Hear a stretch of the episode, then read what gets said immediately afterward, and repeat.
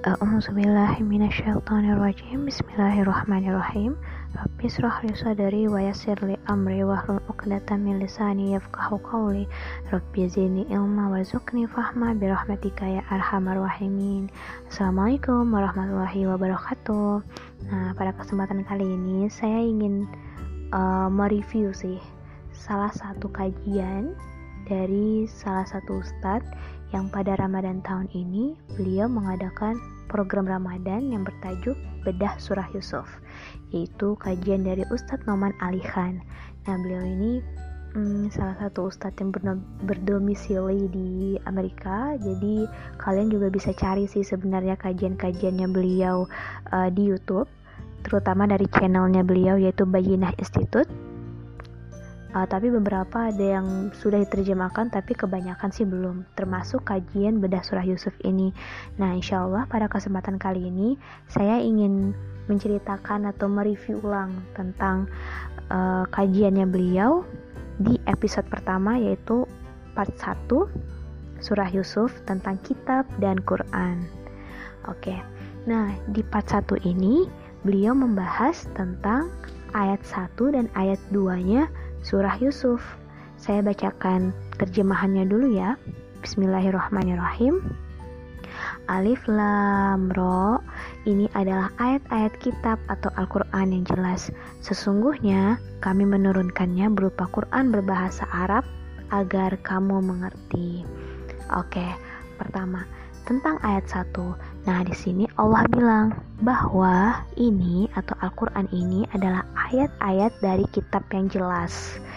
Nah, kata jelas di sini di dalam ayat 1 surah Yusuf, Allah menggunakan kata mubin.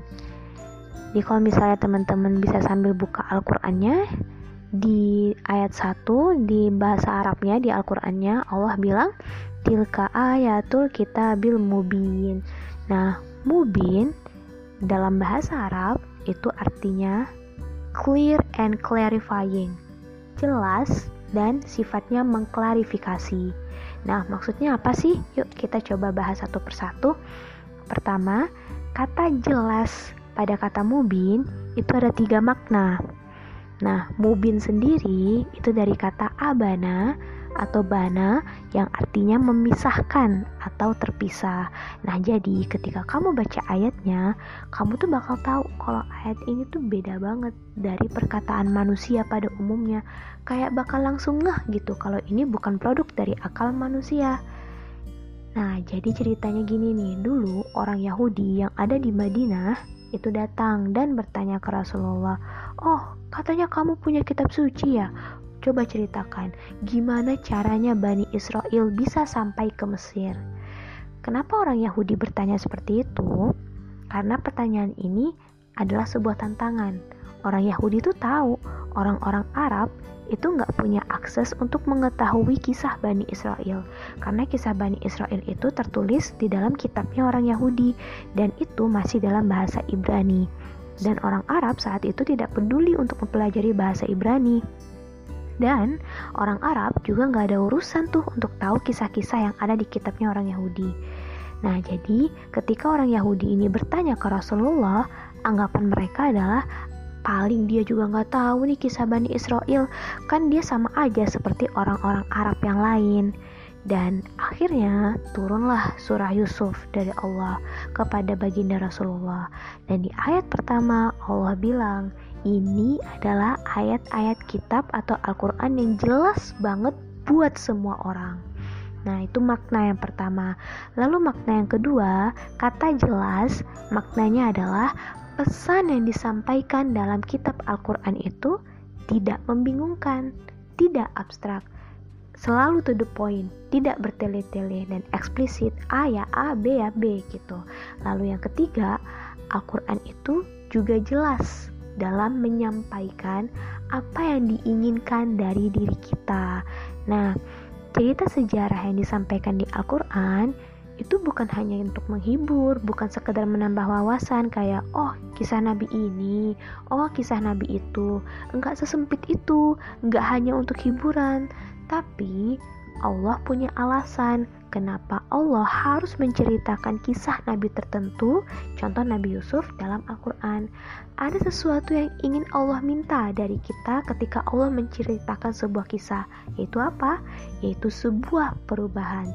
Jadi kisah-kisah di dalam Al-Quran itu hadir bukan hanya sebagai kisah pemanis sebelum tidur, bukan hanya sekedar cerita yang kita ceritakan ke orang lain aja, tapi kisah-kisah tersebut adalah kisah nyata yang harus kita pikirkan yang dengan itu kita bisa berubah menjadi pribadi yang lebih baik dan semakin dekat dengan Allah. Nah, selanjutnya di awal tadi saya sempat menyebutkan kalau arti dari kata mubin itu adalah jelas dan sifatnya mengklarifikasi. Nah, sebenarnya apa sih yang diklarifikasi? Yang diklarifikasi adalah tujuan dari penyampaian sejarahnya.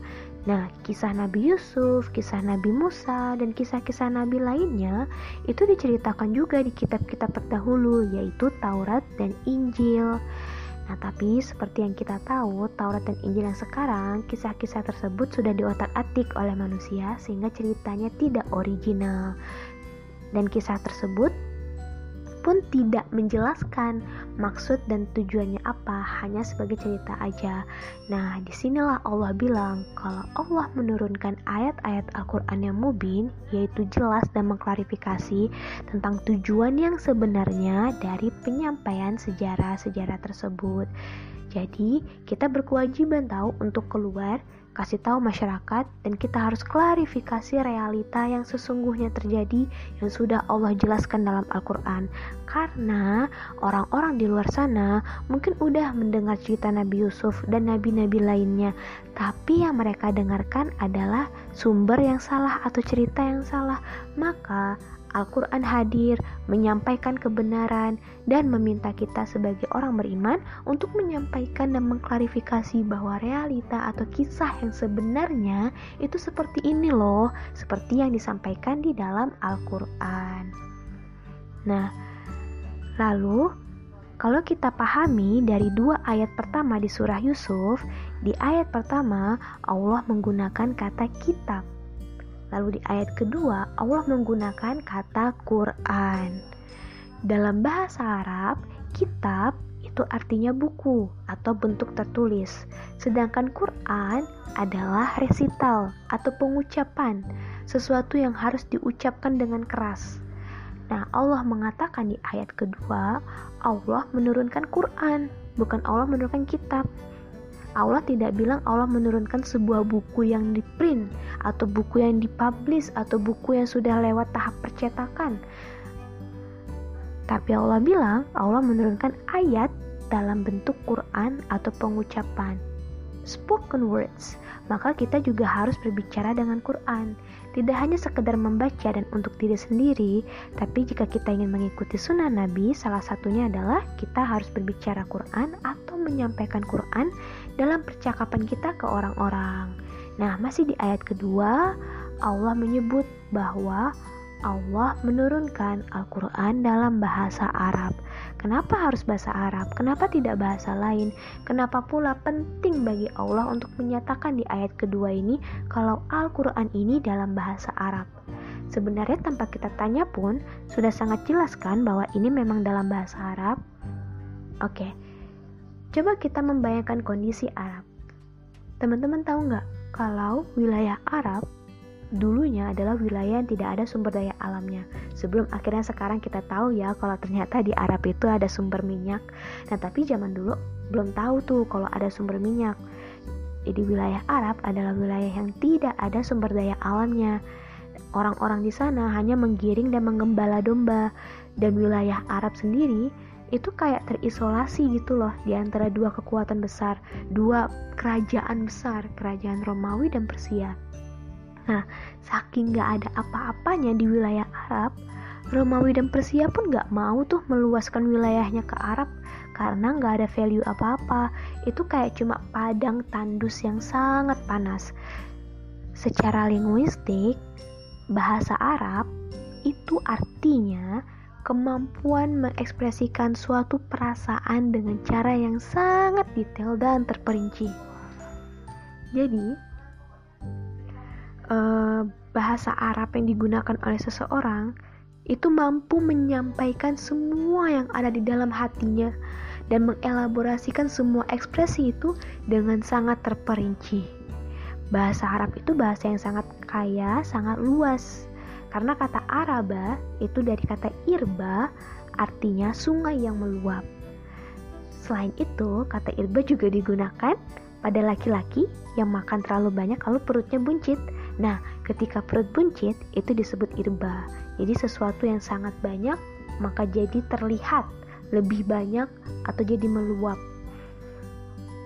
Jadi kalau kita belajar bahasa Arab, satu kata dalam bahasa Arab itu artinya bisa banyak banget, seperti sungai yang mengalir deras hingga meluap. Nah, Allah memilih bahasa dari sebuah wilayah yang terisolasi ini karena bahasa tersebut adalah bahasa yang sangat luas pemaknaannya. Makanya, bahasa Arab itu adalah bahasa orang-orang yang beriman. Allah tidak lagi menjadikan bahasa Arab menjadi bahasa sebuah etnis ini menjadi bahasa bagi semua orang yang beriman kepada Allah. Masih di ayat kedua, kalau teman-teman baca lagi, sesungguhnya kami menurunkan berupa Quran dalam bahasa Arab agar kamu mengerti. Kamu di sini plural, semua orang, atau dalam bahasa Inggris, all of you. All of you can understand. Gak hanya orang Arab, tapi semua dari kita pun pasti bisa memahami.